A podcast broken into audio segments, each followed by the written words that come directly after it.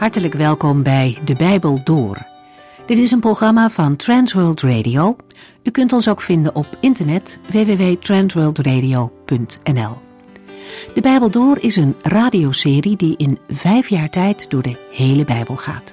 Van Genesis tot Openbaring, van kaft tot kaft.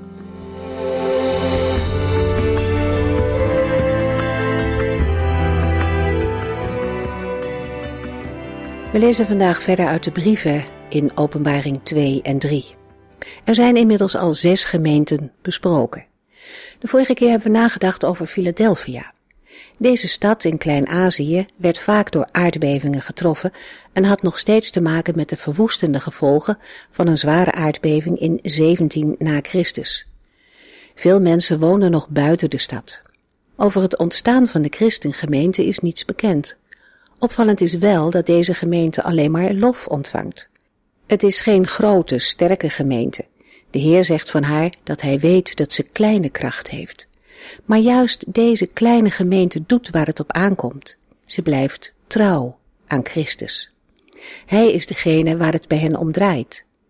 Een belangrijk kenmerk van deze gemeente is ook dat het woord van God bij hen bewaard wordt. Ze blijven gehoorzaam aan het woord ook als ze daarop aangevallen worden. De brieven uit openbaring, maar ook uit de kerkgeschiedenis, leren dat het loslaten van de Heer Jezus Christus of van zijn woord een gemeente altijd verder wegbrengt van de Heer. God heeft ons zijn woord gegeven, zodat wij hem kunnen kennen. Het lezen in de Bijbel is veel meer dan kennis verzamelen. Het laat ons zien wie de Heer is en wat hij van ons wil. Ook deze gemeente wordt opgeroepen om iets te doen. Houd vast wat u hebt, zegt de Heer. En dat is wat hij van hen vraagt, niet meer en niet minder. De Heer bemoedigt de gemeente met zijn belofte dat hij gauw terug zal komen. Er zal een tijd van beproeving komen, maar juist dan is zijn komst dichtbij. De gelovigen mogen leven in de verwachting dat God zijn belofte zal vervullen en zijn plannen zal voltooien. We gaan vandaag verder met de laatste brief die Johannes moest schrijven aan de gemeente in Laodicea.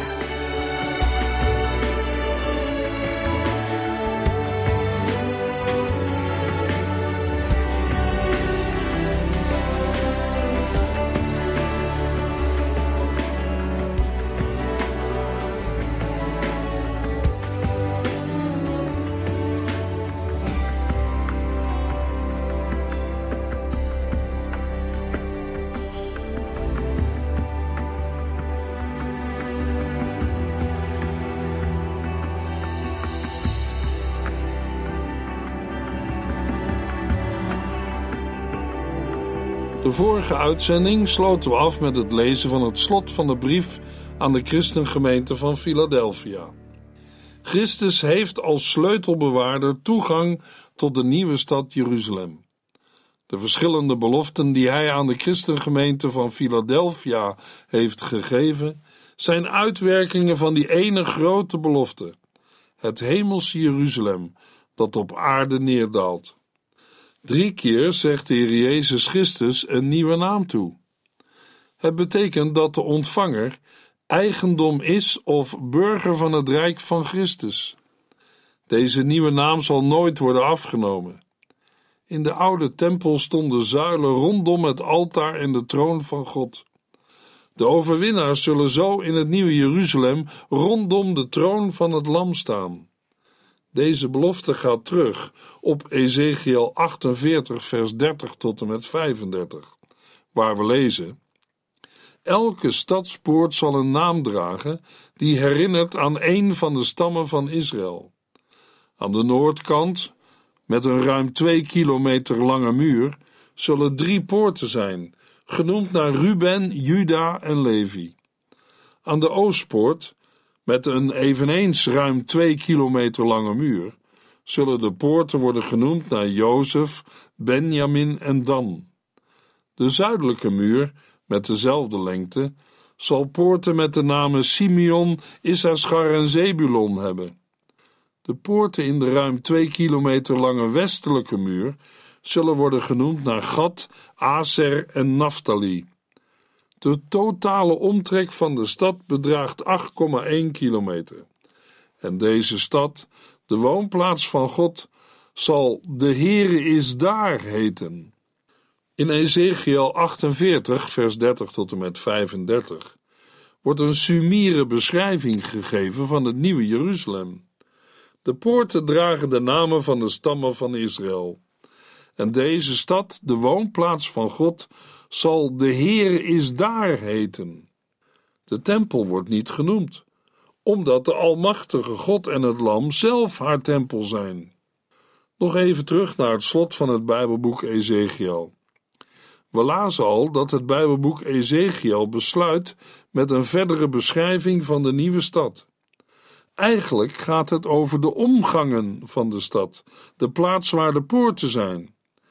We hebben het gelezen en daarbij moeten we per Bijbelvertaling rekening houden met afwijkende afmetingen, wat samenhangt met de lengte van de L die wordt gehanteerd. Aan de noordkant meet de muur 4500 L.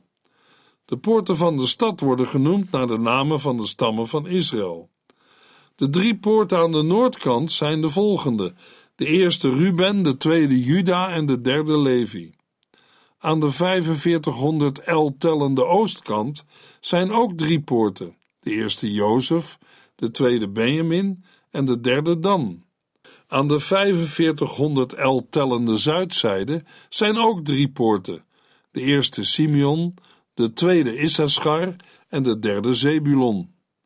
Aan de 4500 L tellende westkant zijn ook drie poorten: de eerste Gad, de tweede Aser en de derde Naphtali.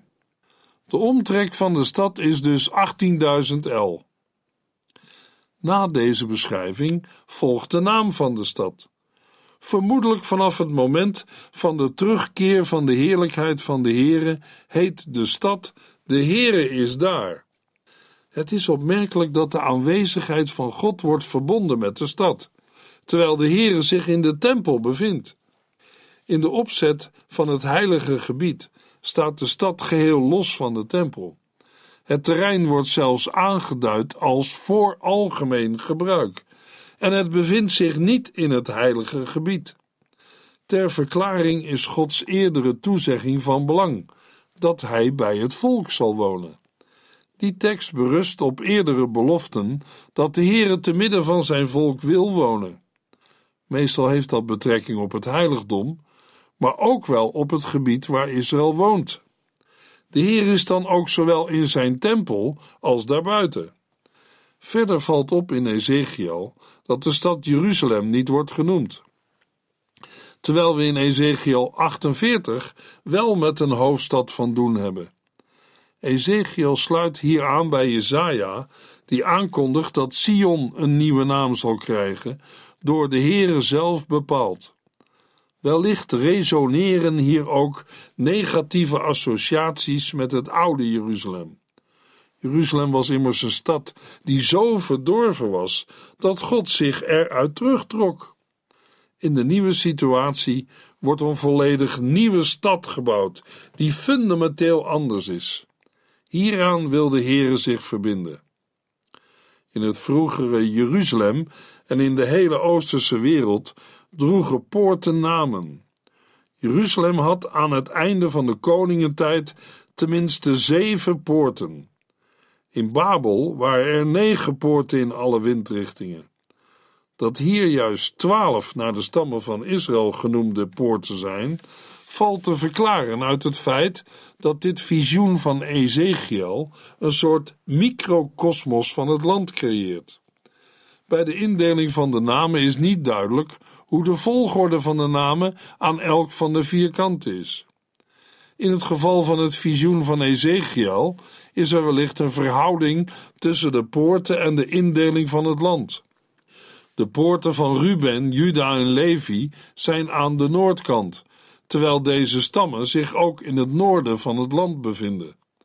De poorten van Simeon, Issachar en Zebulon zijn aan de zuidkant, terwijl de stammen zich ook in het zuiden van het land bevinden. De reden waarom de tempelrol een eigen indeling heeft, is niet duidelijk. Wel zien we dat de variatie aantoont dat de indeling in het visioen van Ezekiel niet opgevat is als een principieel punt dat nauwgezet gevolgd moest worden. Ezekiels visioen toont een nieuw land met een rechtvaardige verdeling van bezit, en Gods heiligdom vormt daarbij het centrum. De koning heeft wel twee eigen gebieden, maar de tempel en het heilige gebied staan centraal. Duidelijk wordt dat de Heere de koning van Israël is. De grenzen tussen de stammen staan niet duidelijk aangegeven, zoals dat wel het geval is in Jozua 13 tot en met 19.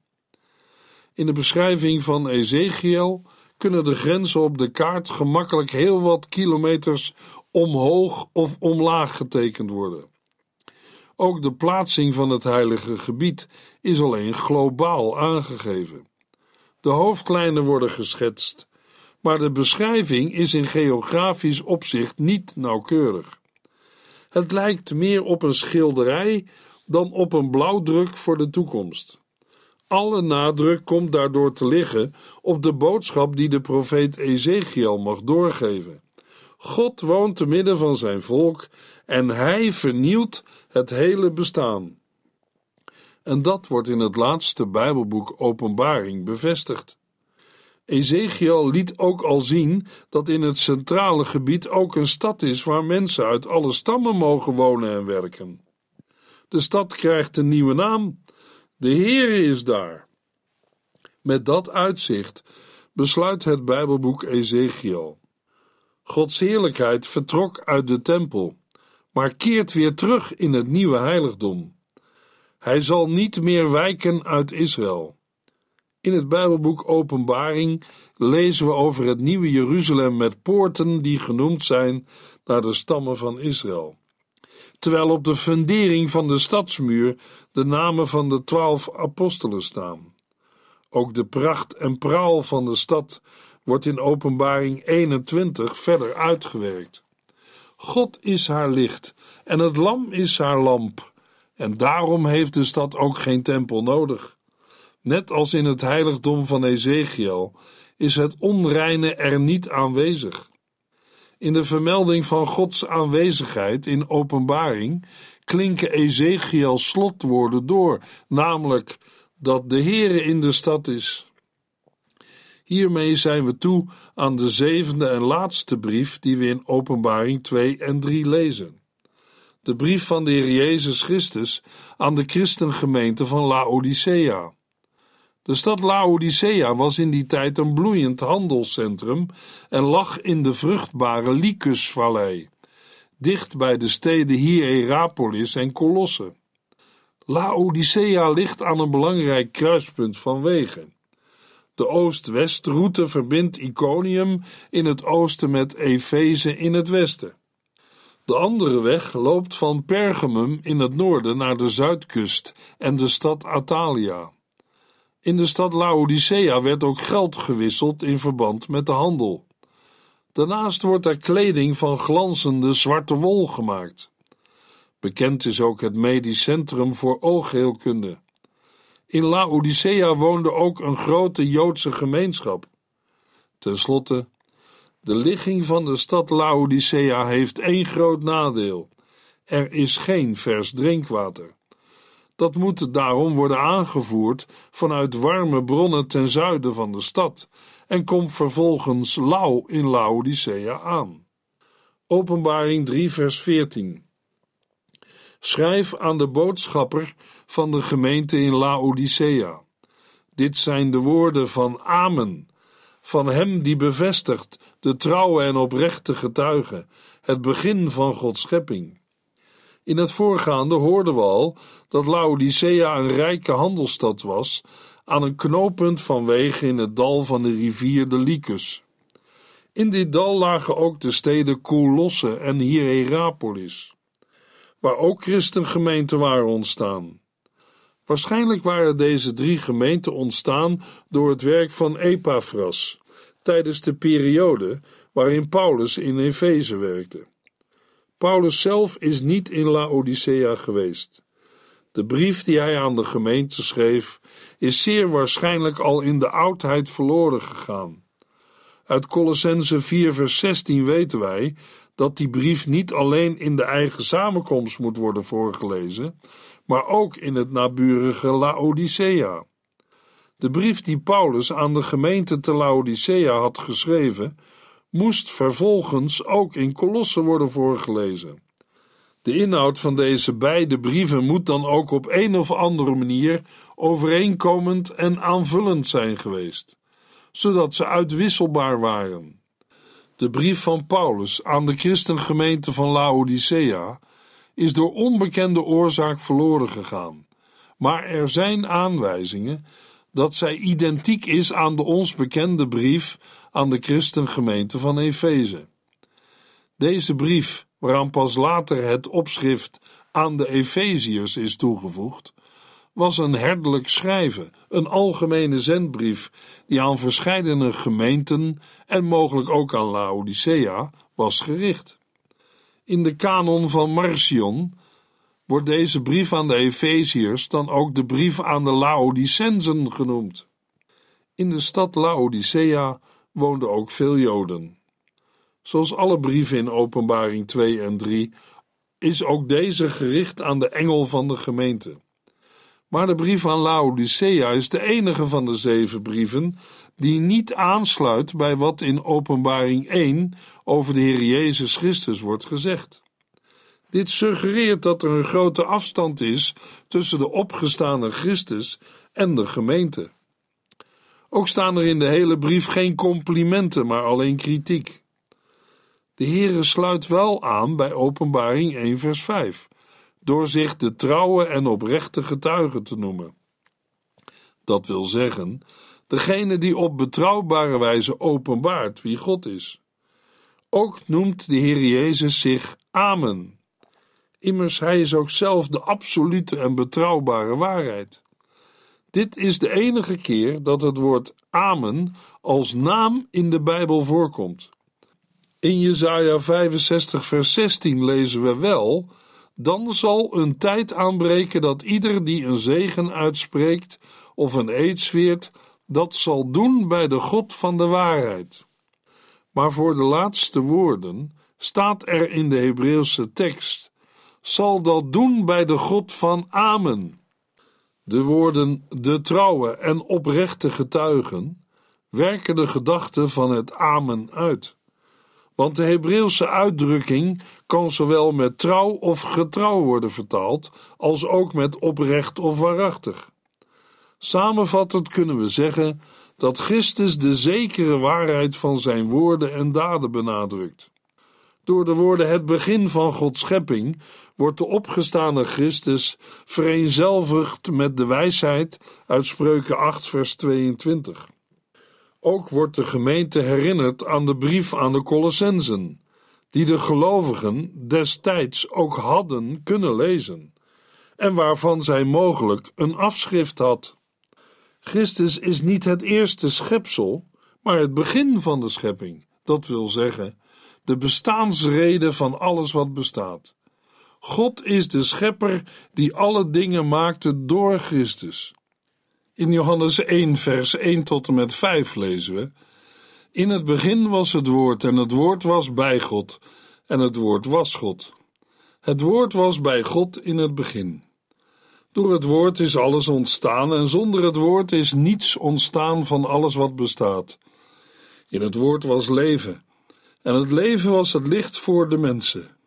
Het licht schijnt in de duisternis, en de duisternis heeft het niet in zijn macht kunnen krijgen.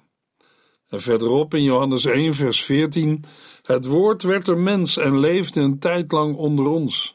Hij was vol genade en waarheid. En wij hebben gezien hoe groot hij is, de enige zoon van de Hemelse Vader.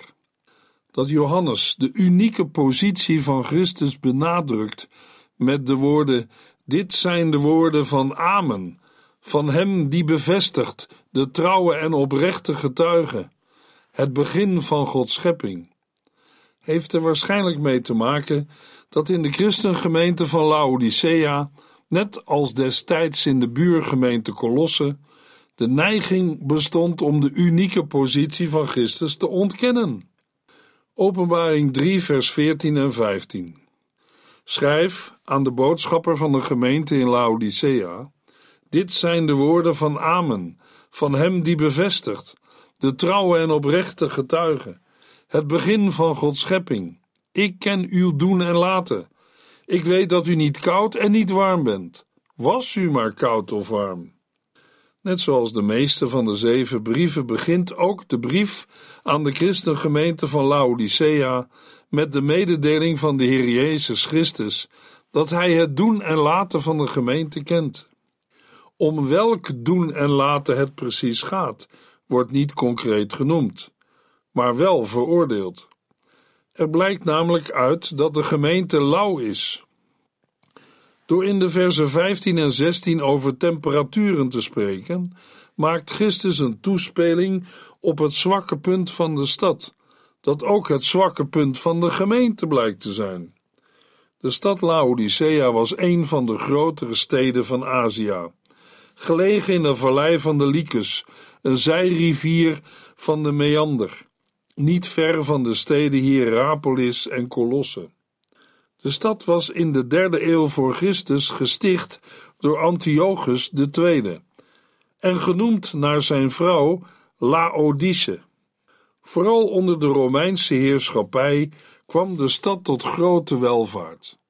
Haar belangrijkste producten waren zwarte wollen stoffen en medicijnen, bereid uit de zouten van de geneeskrachtige bronnen in de omgeving. Verder stond de stad bekend om haar bankwezen. Om de stad van water te voorzien, was er een bijzonder aquaduct aangelegd, bestaande uit een pijpleiding van doorboorde steenblokken. Het water werd vanuit de hete bronnen bij het naburige Hierapolis aangevoerd en bereikte de stad met een lauwwarme temperatuur. Na de aardbeving in het jaar 60 na Christus sloeg de stad de door Rome aangeboden hulp af, omdat zij uit eigen middelen de herbouw kon bekostigen. Ten tijde van Paulus' verblijf in Efeze werd ook in Laodicea het evangelie verkondigd. Paulus bezocht de stad niet zelf, maar zond wel zijn medewerker Epaphras naar Laodicea. In de brief aan de gemeente van Laodicea wordt een contrast geschilderd tussen de materiële welvaart van de stad en de geestelijke vervlakking van de christengemeente.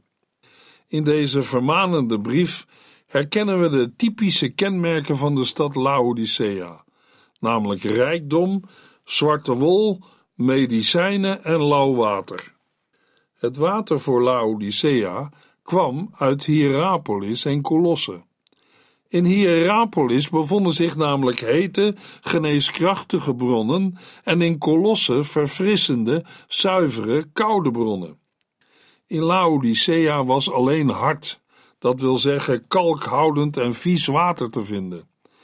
Daarom was er een kostbaar aquaduct aangelegd om warm water van elders te halen. Maar dit water kwam toch lauw en onsmakelijk in de stad aan. Lauw water gold als onbruikbaar en het water van de rivier de Lycus deugde al evenmin.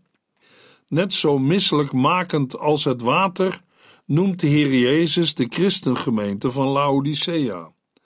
De Heere wenst nog liever een koude gemeente dan een lauwe. Want als de mensen in Laodicea werkelijk koud zouden zijn, dat wil zeggen ongelovig, dan was de noodzaak van bekering en wedergeboorte veel duidelijker. Van Laodicea gaat geen getuigenis meer uit. De christengemeente is namelijk lauw en niet warm of koud. De broeders en zusters zijn niet voor uit te branden. De heiland moet zeggen: Was u maar koud of warm. Het woord koud heeft in ons spraakgebruik vaak een negatieve klank. Maar in Openbaring 3 hebben de woorden koud en warm een positieve betekenis. De beelden van heet en koud verwijzen waarschijnlijk naar de steden Hierapolis en Colosse. We zeiden al dat bij Hierapolis bronnen met heet water waren en bij Colosse bronnen met koud water. De woorden was u maar koud of warm dragen ook de boodschap in zich Neem een voorbeeld aan het getuigenis van de christengemeente van Hierapolis en Colosse. Bij Hierapolis en Colosse weet je waar je aan toe bent, want heet water is verwarmend en koud water is verfrissend. Maar wat heb je aan lauw water? Het maakt je misselijk en dan spuug je het uit. De slotwoorden van vers 15 zijn ontdekkende woorden. In de Griekse tekst lezen we: Och, of u koud waart of heet. Met deze woorden geeft de Heer een onvervulde wens aan. Een soortgelijke uitdrukking lezen we in 2 Korintiërs 14 vers 1, waar de apostel Paulus schrijft: Och, verdroeg u een weinig onverstand van mij. Heer Jezus noemt in een opsomming van allerlei zonden in Marcus 7 vers 22 ook onverstand als een van de dingen die een mens van binnenuit onrein maken. In andere Bijbelvertalingen wordt het Griekse woord voor onverstand ook vertaald met onnadenkendheid, dwaasheid en onverschilligheid. In Lucas 18 geeft de heiland meer onderwijs over de wortels en consequenties van deze zonde. We lezen in Lucas 18, vers 9 tot en met 14. Daarna vertelde hij een gelijkenis speciaal bedoeld voor degenen die opschepten over hun eigen goedheid en die op al de anderen neerkeken. Twee mannen gingen naar de tempel om te bidden. De ene was een fariseer die erg met zichzelf was ingenomen. De andere was een tolontvanger. De fariseer stond rechtop en zei dit gebed: Dank u, God, dat ik niet zo ben als alle zondaars. En zeker niet zoals die tolontvanger daar. Ik bedrieg niemand, ik pleeg geen overspel, ik vast tweemaal per week en ik geef u 10% van alles wat ik verdien. Maar de tolontvanger stond helemaal achter in de tempel. Hij durfde niet eens omhoog te kijken, terwijl hij aan het bidden was. Hij sloeg zich van berouw en verdriet op de borst en zei: God, ik ben een zondaar wilt u mij in genade aannemen? Onthoud dit goed. Die tolontvanger had vergeving van God ontvangen toen hij naar huis ging. Maar die fariseer niet. Want wie erop uit is meer eer te krijgen dan hem toekomt, zal worden vernederd. Maar wie nederig is, zal eer ontvangen. Ook vandaag is er nog tijd voor bekering. In de volgende uitzending lezen we Openbaring 3, vers 16 tot en met 19.